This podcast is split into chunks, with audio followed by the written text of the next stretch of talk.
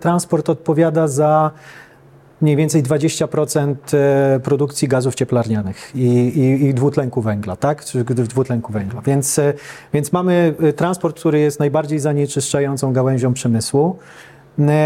I model, w którym, do którego faktycznie zostaliśmy trochę przyzwyczajeni, on jest bardzo wygodny, gdzie kupujemy w sieci. Teraz już to robią nie tylko, nie tylko robi to młodzież, robią to rodzice, robią to dziadkowie. E, strasznie ten popyt na, na usługi transportowe e, generuje. Dodatkowy popyt, e, ta Ale gałąź rośnie bardzo. powszechne. Ja tak sobie teraz przypominam, że to jest moda ostatnich lat, no, żeby nie powiedzieć miesięcy, ale generalnie ostatnich lat i to nie wielu, tylko raczej kilku. I nawet reklamy powstają. Zamów, jak ci nie pasuje, najwyżej odeślesz.